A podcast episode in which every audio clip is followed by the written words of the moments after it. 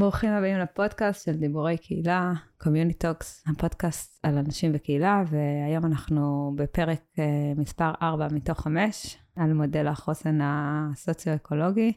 Uh, אנחנו קוראים לזה דיבורי קהילה מתגייסים, או מגויסים, דו משמעות, גם כי אנחנו מגויסים וגם כי אנחנו מגויסים למלחמה. אז הפרק הזה בעצם מדבר על משמעות, ודניאל. טוב, אז uh, בעצם כשאנחנו מדברים על תחושת משמעות, היא מתייחסת ליכולת של הפרט להבין מצבים שונים בחייו, בצורה בה הערכים שלו והמטרות שלו יכולים לבוא לידי ביטוי בהתנהגותו.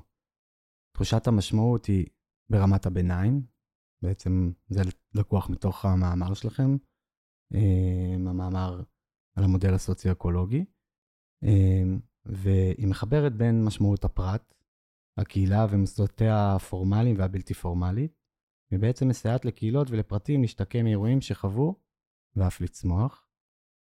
Uh, מושג משמעותיות זה מושג שהמאזינים שלנו כבר יודעים שאני מאוד מאוד אוהב, מאוד מאוד מאמין בו. Uh, כפי שאמרתי זה גם בפרק על שייכות, אחד הדברים שחקרתי זה את מדד הקהילתיות, ואחד המימדים שם זה משמעותיות. המשמעותיות, כפי שהגדרנו אותה במדד, היא המידה בה הפרט מרגיש בעל ערך ומשפיע בקהילתו. ואני יכול להגיד מהמחקרים שעשינו, ועשינו את ה...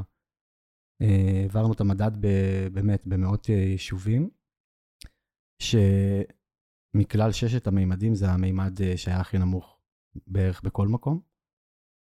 בעצם גילינו שאנשים לא מרגישים בהקשר הזה של קהילתיות, שהם משפיעים מספיק על החיים שלהם, משפיעים על הרשות שלהם, על הקהילה. זהו, חשוב להגיד שזה במונחי uh, הרשות, כי אני חושבת שכאן בלחימה הזאת קרה משהו מאוד מעניין. שאנשים אה, רצו להרגיש משמעותיים והם פשוט אה, הפכו להיות משמעותיים בדרך שלהם. ו- אז אפשר להרגיש את זה, אבל אה, אולי בהקשר של קהילה ורשות זה יותר נמוך, אבל אני חושבת שכל אחד, כמעט כל אחד או אחת בתוך הלחימה הזאת, הצליחו למצוא לעצמם מקומות של, של משמעות. אנחנו רואים את זה בהתגייסות של אנשים, וזה באמת חלק מההזדמנות עכשיו במשבר הנוכחי.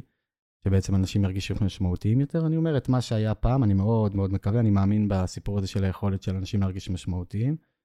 מי שמכיר את וינקור, ויקטור פרנקל, אה, יש לו משפט שאומר, מי שיש לו איזה למה שלמענו החיו, יוכל לשאת, לשאת כמעט כל איך. וצריך להבין שבעצם התכלית שיש לנו בחיים, המשמעות שיש לנו בחיים, זה משפיע בעצם על כל אספקט של החיים שלנו. מי שקצת מכיר את הסיפור של ויקטור פרנקל יודע ש... הוא שרד את השואה ככה שהוא אה, בעצם כל הזמן ייצר לעצמו משמעות. אחד הדברים אה, המפורסמים בהקשר הזה, שהוא כתב את הספר שלו שנשרף או משהו כזה, ובעצם הוא המשיך לכתוב אותו, ומבחינתו המשמעות שלו הייתה לשרוד ולספר גם את מה שהוא עבר. ולמצוא את אשתו. גם, וגם בעצם לפרסם את הספר, וזה מה שהחזיק אותו בחיים. אה, ובאמת אחד המחקרים שהוא גם מביא ומדבר עליהם זה על איזושהי אוניברסיטה אמריקאית, ש... בעצם שבדקו אה, סטודנטים, וסטודנטים שניסו להתאבד, וששאלו אותם למה, מה הסיבה המרכזית, הם אמרו שהחיים שלהם היו נעדרי משמעות. זה חלק קצת מהדור הנוכחי.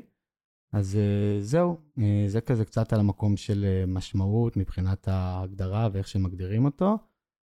אז אני אגיד עוד איזה משהו בהקשר הזה של משמעות, וזה גם לקוח מתוך אה, ויקטור פרנקל מהספר שלו, אדם מחפש משמעות. הוא מדבר שם על הפשר, שזה באיזשהו מקום מילה אה, אה, נוספת למשמעות, והוא אומר שאנחנו יכולים לגלות את הפשר שלנו, את המשמעות, בשלוש דרכים שונות. אחד, בעשיית מעשה, שתיים, בהתנסות בחוויה של ערך, וג' בסבל.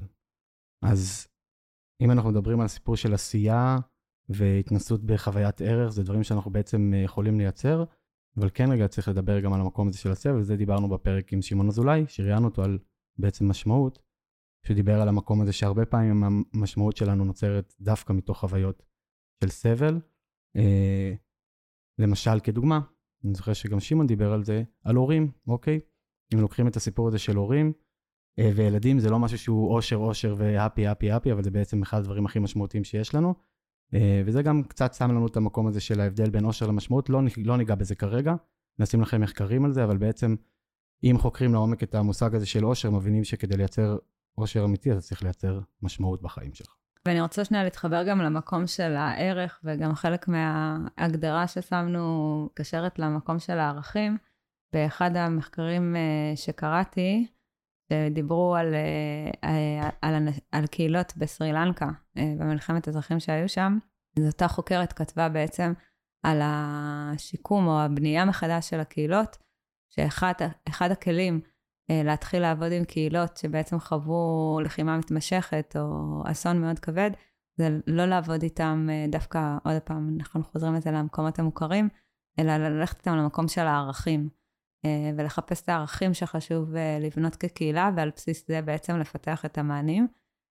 ובאמת, גם בעבודות שעשיתי בכלל לפני הלחימה, כשעבדתי הרבה עם אוכלוסיות מודרות, ולייצר מהם קבוצות פעילים בקהילה, או קבוצות שיש ביניהם איזשהו מתח, תמיד, תמיד, תמיד התחלתי מהמקום של הערכים המשותפים, כי בעצם כשיש לנו משהו משותף, ללכת לקראתו, אנחנו עוזרים בעצם אה, לבנות תמונת עתיד, וחלק מתקווה, ובארצות שלי ניקון האחרונות על הנושא הזה, ניקון אומרת שלא סתם כנראה ההמנון שלנו נקרא תקווה, כי היה לנו ברירה אחרת.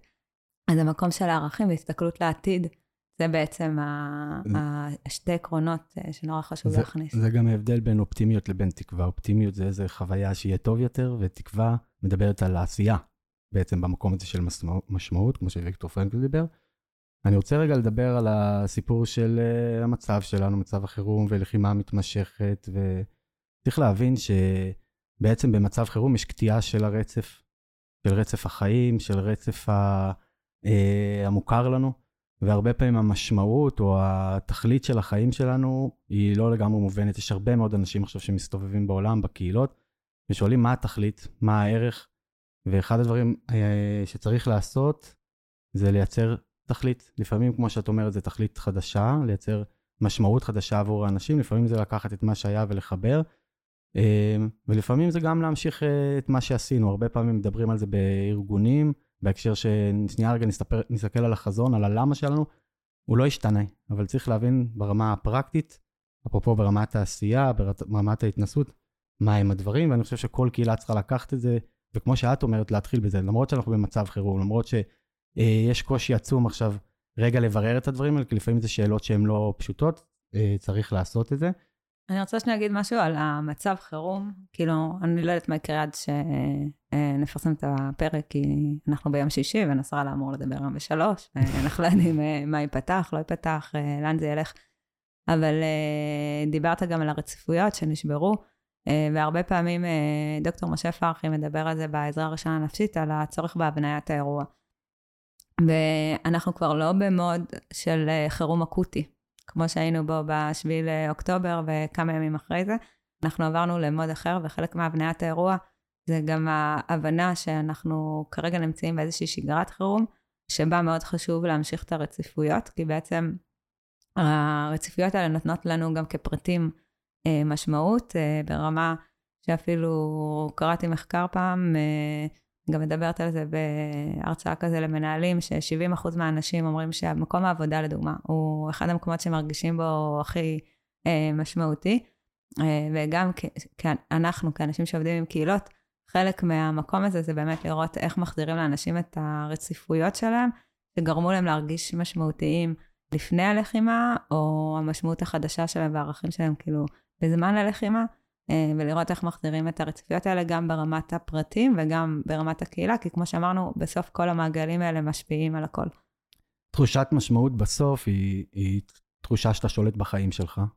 אפרופו גם הפרק הקודם שלנו של בחירה, דיברנו קודם על, בפרק קודם על הבחירות, ובסופו של דבר תחושה שאתה יכול להשפיע, וכן, כמו שאמרת, ברגע שיש לך, אתה מחזיר לעצמך את התחושה הזאת, אתה מרגיש משמעותי יותר, ואתה מרגיש שאתה בסופו של דבר אה, גם כפרט אתה משפיע אה, על אנשים אחרים, שזה מאוד מאוד חשוב במשמעותיות. זה לא רק, אם מדברים על משמעותיות, משמעותיות זה לא רק כמה אני משמעותי עבור עצמי, אלא בעיקר כמה אני משמעותי עבור אחרים. ככל שתהיה יותר משמעותי עבור אחרים, זה גם יחזק אותך.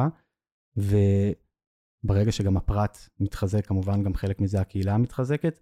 וכן, יש פה עניין מאוד מאוד גדול של, אה, גם בהקשר הזה של טראומה ופוסט-טראומה, אה, ככל שנחזיר יותר מהר לאנשים את התחושת שליטה ואת המשמעותיות, זה גם ימנע אחר כך איזושהי חוויה של, דיברת על זה גם מקודם, אשמה, חוויה של אה, חוסר אונים. לא חוסר אונים. אה, אגב, גם זה מה שאנחנו עושים ב- בלחימה, המטרה היום היא להחזיר את הלוחמים כמה שיותר ללחימה, למרות שזה נראה כדבר הכי לא נכון, כדי להחזיר להם את תחושת השליטה, כדי לייצר להם משמעות, ואנחנו ממש היום, זה מה שהמפקדים היום עושים בצבא, אז זה דומה. אני אחדד את הדבר הזה, זה לא להחזיר אותם אה, ממש ללחימה, אלא ל... אה, את הציפייה שלהם לחזור לתפקוד. זה בעצם אה, רוצים לחזור לתפקוד יעיל, כי תחשבו איזה נורא זה, זה לא רק ללחימה, אגב, זה גם לאנשים. לגמרי. שאומרים להם, אתם צריכים ללכת הצידה, ואתה בעצם מגביר להם את תחושת חוסר אונים. כשהם יכולים לחזור לעשייה מבצעית, או למה שהם צריכים, זה יכול להיות אגב גם לא, זה יכול להיות דברים קטנים, כאילו.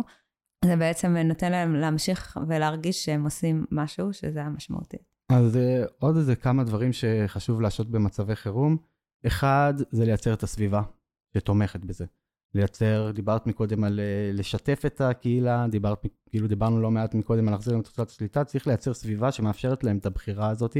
דיברת את זה בהקשר של מיפוי צרכים, של לא נשאל אותם שאלות כלליות, אלא נבנה את זה, אז כן, לעזור להם להבנות מחדש, זה גם קשור לנרטיב, שנדבר על זה אחר כך. אמ, אז הסביבה הזאת היא מאוד מאוד חשובה, עובדי, עובדי קהילה צריכים לייצר את הסביבה הזאת, סביבה שמאפשרת להם להיות משמעותיים יותר.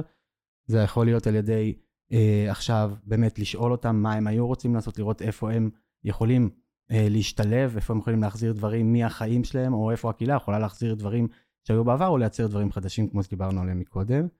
אמ, ואני אוסיף לזה החזרה של המנגנונים של הניהול העצמי. Mm-hmm. כי בתחילת הלחימה הרבה אוכלוסיות מודרות, מוחלשות, אה, וקהילות שהיו צריכים להתפנות מהבתים שלהם, בעצם אה, התחילו להיות מנוהלים או לקבל דברים, דיברנו על זה קצת, על ידי אנשים אחרים.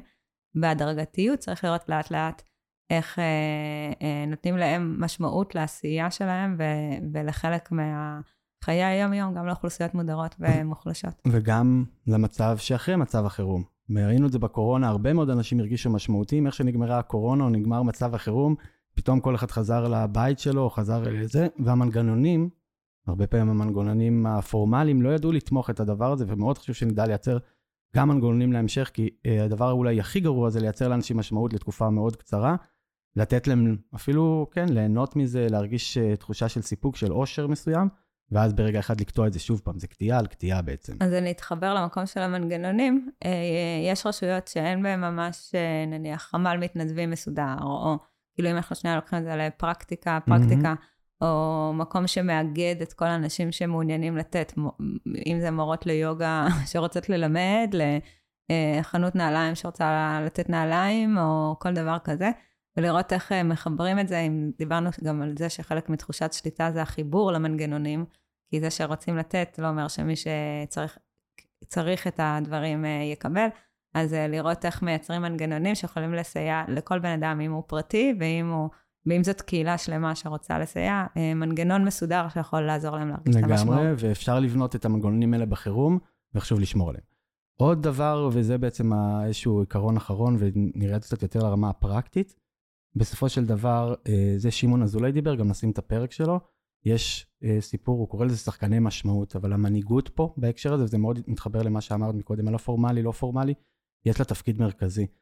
שחקן משמעות, כמו ששמעון אה, מדבר על זה, וזה בעיניי מאוד מסלול, זה שחקן, זה מנהיג שיודע לייצר משמעות עבור אחרים, לא רק עבור עצמו. ובעצם אה, היכולת של אותו מנהיג לייצר השפעה, אוקיי, זה קשור גם לשיתופיות, אה, לחבר אנשים למטרות שלהם, כמו שאמרנו, ובעצם להבין כל הזמן מה הממשקים בין האנשים, ו... אה, מה לעשות, זה יושב על המנהיגות הרבה פעמים, בטח במצבי חירום.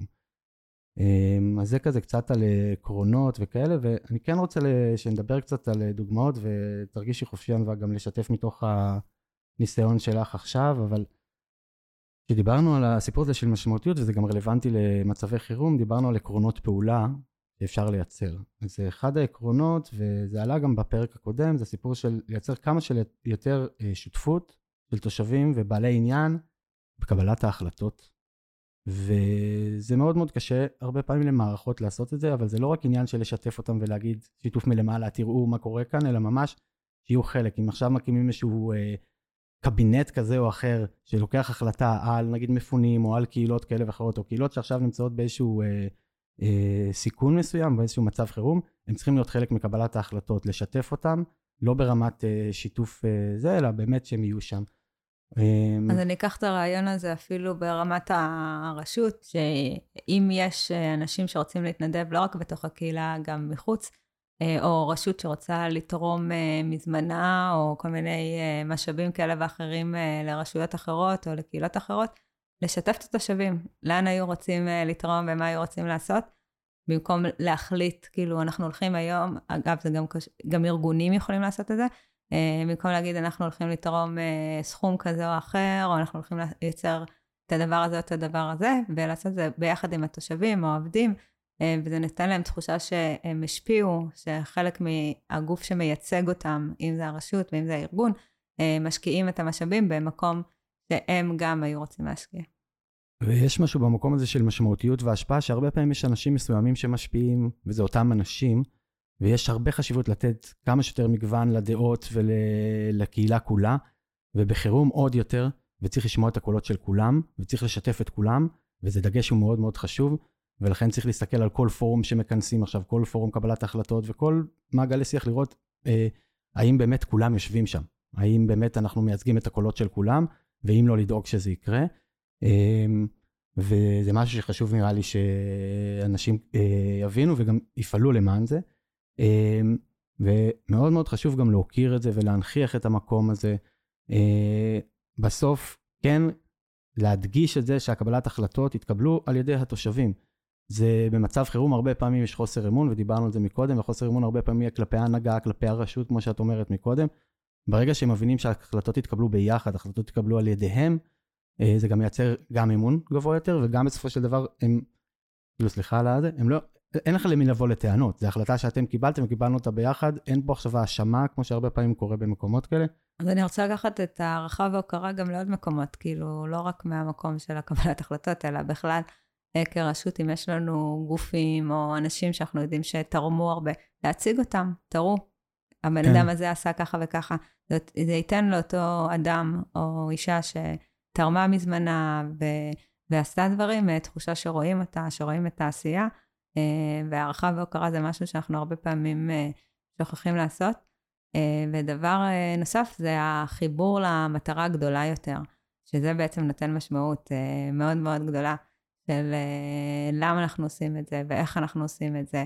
זה בעצם יכול לחבר אנשים ואת המשמעותיות ולהרגיש גאים אה, בדבר הזה במערכות. הרבה פעמים במצב חירום אנחנו נעשה שיח ונחשוב שאנחנו צריכים לעשות ונטילציה וונטילציה וכאלה, ממש לא. אנחנו צריכים להושיב את האנשים למעגלים ולשיח ולדבר על התכלית ועל המטרה ועל מה אנחנו גם רוצים לעשות. לא רק על הסיפור הזה של... אה, אה, אחד הדברים המרכזיים שיש גם ב, ב, בסיפור הזה של יהלום ותגובה לתגובות קרב, זה לא עכשיו להתחיל להציף את הרגש, אלא בעיקר לדבר על על ה-doing, בסדר? ומשמעותיות בהקשר הזה, זה מאוד מאוד שם את העשייה בתוך ה... אז זה ממש, אה, אחד הכלים שאני נותנת הרבה פעמים במשמעות, זה לייצר אה, מעגלי שיח על משמעות. כאילו שבזה... על תכלית, על... כן, שבזה הם עוסקים, כאילו, מה המשמעות שלנו, ומה אה, יכול לגרום לי להרגיש משמעותי, ואז איך אני יכול, יכולה כעובד עם הקהילה, לייצר את התשתית שאותו בן אדם באמת יוכל להרגיש אה, משמעותי, כי לפעמים אני רוצה, אבל אין לי את הדרך לעשות את זה. כמו שאמרנו, שלפעמים תורמים, אבל מי שצריך לא יכול לקבל, אבל לפעמים אני גם רוצה לעשות, אבל אני לא יודעת איך להגיע. או אין אה, את הפלטפורמה לזה וכאלה, זה ובאמת הרבה מדבר על פלטפורמה. דבר אחרון שאני רוצה לתת איזשהו כלי תגובותי, וגם נתתי לו קצת בהקשר של שייכות, זה אה, לעשות צוותים או ועדות, לקחת ולפרק את המשימות, ובעצם גם לייצר סביב היחסים והמשימה שדיברנו קודם שייכות לאנשים, אבל גם לייצר להם משמעות. וזה יכול להיות עכשיו אה, ועדה לתרבות פה במלון, או ועדה לזה. אה, זה מכניס יותר אנשים למעגל ההשפעה ולמעגל אה, מקבלי ההחלטות, וזו פרקטיקה שעובדת. אז אם דיברנו בפרק הראשון על ה... כשאנחנו מסתכלים על מלון שצריך להסתכל עליו על שתי רמות, אחד על קהילת האם והשני על קהילתיות בתוך המלון. אה, אז ממש בדף המלצות אה, שכתבתי בפיקוד, אחד מהם הוא לייצר מעין הנהגת אה, מלון, שבנויה מהקהילות אם, מנציגים מקהילות האם, שכל אחת מהם לוקחת אחריות על נושא אחר, כלומר נציג רווחה, נציג בריאות הנפש, נציג לוגיסטיקה וכולי, נציג בריאות, יש הרבה אנשים שהתפנו ושהם זקוקים לתרופות, והם נמצאים במקום חדש, במקום חדש, והם לא יודעים איך משיגים את התרופות, ויש נציגי משרד הבריאות, וזה קשה קצת להתעסק פרטני, אז לראות איך יש נציג שיודע לדבר בשביל אותם אנשים שנמצאים במלון. וככה אנחנו בעצם מכניסים כמה שיותר אנשים לתוך מעגלי השפעה בניהול העצמי הזה של המלון. מעולה. אז זהו, סיימנו את הפרק על משמעות, שמנו לכם המון המון חומרים אה, בפרק על אה, משמעות, גם פרקים שהקלטנו בדיבורי קהילה וגם כמה פוסטים, ואפילו על אה, מש... בעצם יצירת משמעות בארגונים, אה, שהיה לנו פרק עם שנים עם מייקרוסופט בזמנו. בקיצור, שווה להעמיק. אה, להגיד לכם תודה, ומזמינים אתכם להאזין בכל הפלטפורמות. אה, סיימנו עכשיו פרק רביעי מתוך חמש מדברים אה, דיבורי קהילה מתגייסים. מגויסים. מגויסים. לך פעם אני מתבלבלת פעם אתה מדבר. ונתראה בפרק הבא.